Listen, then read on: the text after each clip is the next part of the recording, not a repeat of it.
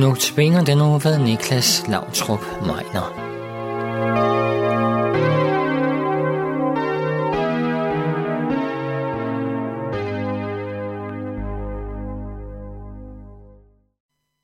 Det er aften, inden Jesus skal korsfæstes. Jesus ved, hvad der skal ske. Han ved, at han står over for en nat i forhør, tortur og latterliggørelse. Og vi læser, at han var så bange, så han svedte blod.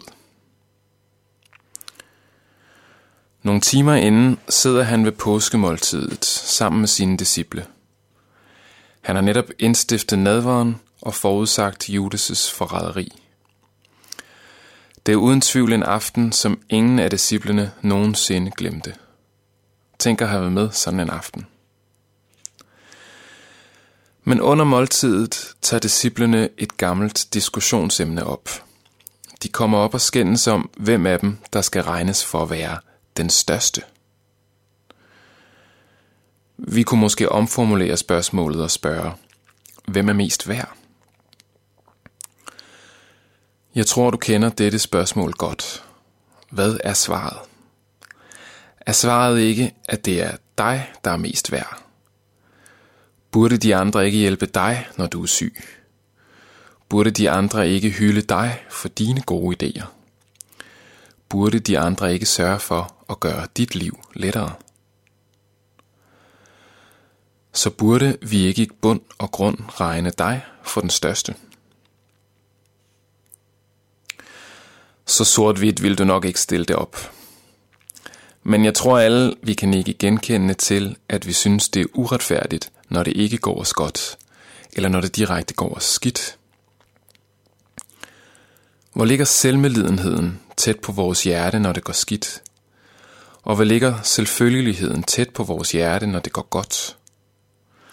Vi tager de gode tider som en selvfølge, og de dårlige tider som et uretfærdigt angreb på os. Men diskussionen den aften kunne egentlig have været afgjort ret hurtigt. Og vores selvcentrerethed kunne også let fejse banen. I sammenligning med Jesus er der nemlig ingen af os, der står mål. Dag efter dag overtræder vi Guds bud, men Jesus overtrådte aldrig et enkelt af dem. Vi taler ondt om andre mennesker, men Jesus mødte altid mennesker med sandhedens og med kærlighedens ord. Vi tænker ondt om andre mennesker, men Jesus bad for sine fjender. Så vi bryder altså Guds bud igen og igen. Skal vi måle storheden ud fra Guds bud, så kommer Jesus ind på en førsteplads, og vi andre kommer slet ikke på skamlen. Men det fantastiske er, at Jesus ønsker at tage dig med op på skamlen. Ikke fordi du i dig selv er et fantastisk menneske, når alt kommer til alt. Ikke fordi du er god mod andre. Ikke fordi du har gjort dig selv fortjent til det.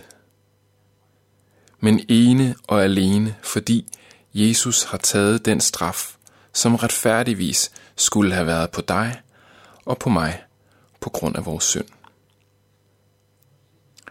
Han, som var den største, har taget synden. Det gjorde han, da han døde for dig på korset. Derfor kan du i troen på ham få lov til at gå en evighed i møde, hvor alt er godt, og hvor han selv er til stede. Disciplerne fik ikke afgjort diskussionen den aften. Og vi får heller ikke afgjort diskussionen. Vi diskuterer ligesom disciplene, men vi kommer aldrig til enighed, for vi vil hver især stå øverst på skamlen. Deroppe, hvor de andre tjener mig, deroppe, hvor alle kan se mig. Når Guds rampelys skal falde lige i centrum, så er det ikke dig, det rammer, men Jesus. Og det er sådan set godt. For vi står ikke mål til at stå i rampelyset. Vi står ikke mål til at være i centrum. For så skinner lyset lige på alt det forkerte i vores liv. Lige på vores synd. alle vores ukærlige ord, alle vores selviske tanker. Vi kan slet ikke tåle rampelyset. Det kan kun Jesus. Men det er også kun ham, der fortjener det. Og det helt utrolige er så, at Jesus giver sit liv for os, går i døden for os, mens vi endnu bare tænkte på os selv. Ja, Paulus skriver sådan i Romerbrevet kapitel 5 i det nye testamente. Der er næppe nogen, som vil gå i døden for en retfærdig. Måske vil man våge livet for en, som er god. Men Gud viser sin kærlighed til os ved at Kristus døde for os, mens vi endnu var syndere. Så meget mere skal vi, der nu er blevet gjort retfærdige i kraft af hans blod, ved ham frelses fra vreden. For mens vi endnu var hans fjender, blev vi forlit med Gud ved at hans søn døde. Så skal vi, så meget mere når vi er forlit med Gud, frelses ved at han lever. Så vidt altså Paulus. Mens vi stadigvæk ikke ville Gud, døde hans søn Jesus for os. Mens vi stadig forsøger at skubbe Gud ned fra tronen, så banede han selv en vej for os, så vi kan få del i hans sejr. Vi vil bede en kort bøn sammen. Kære Jesus, vi takker dig for, at det er dig, der er den største.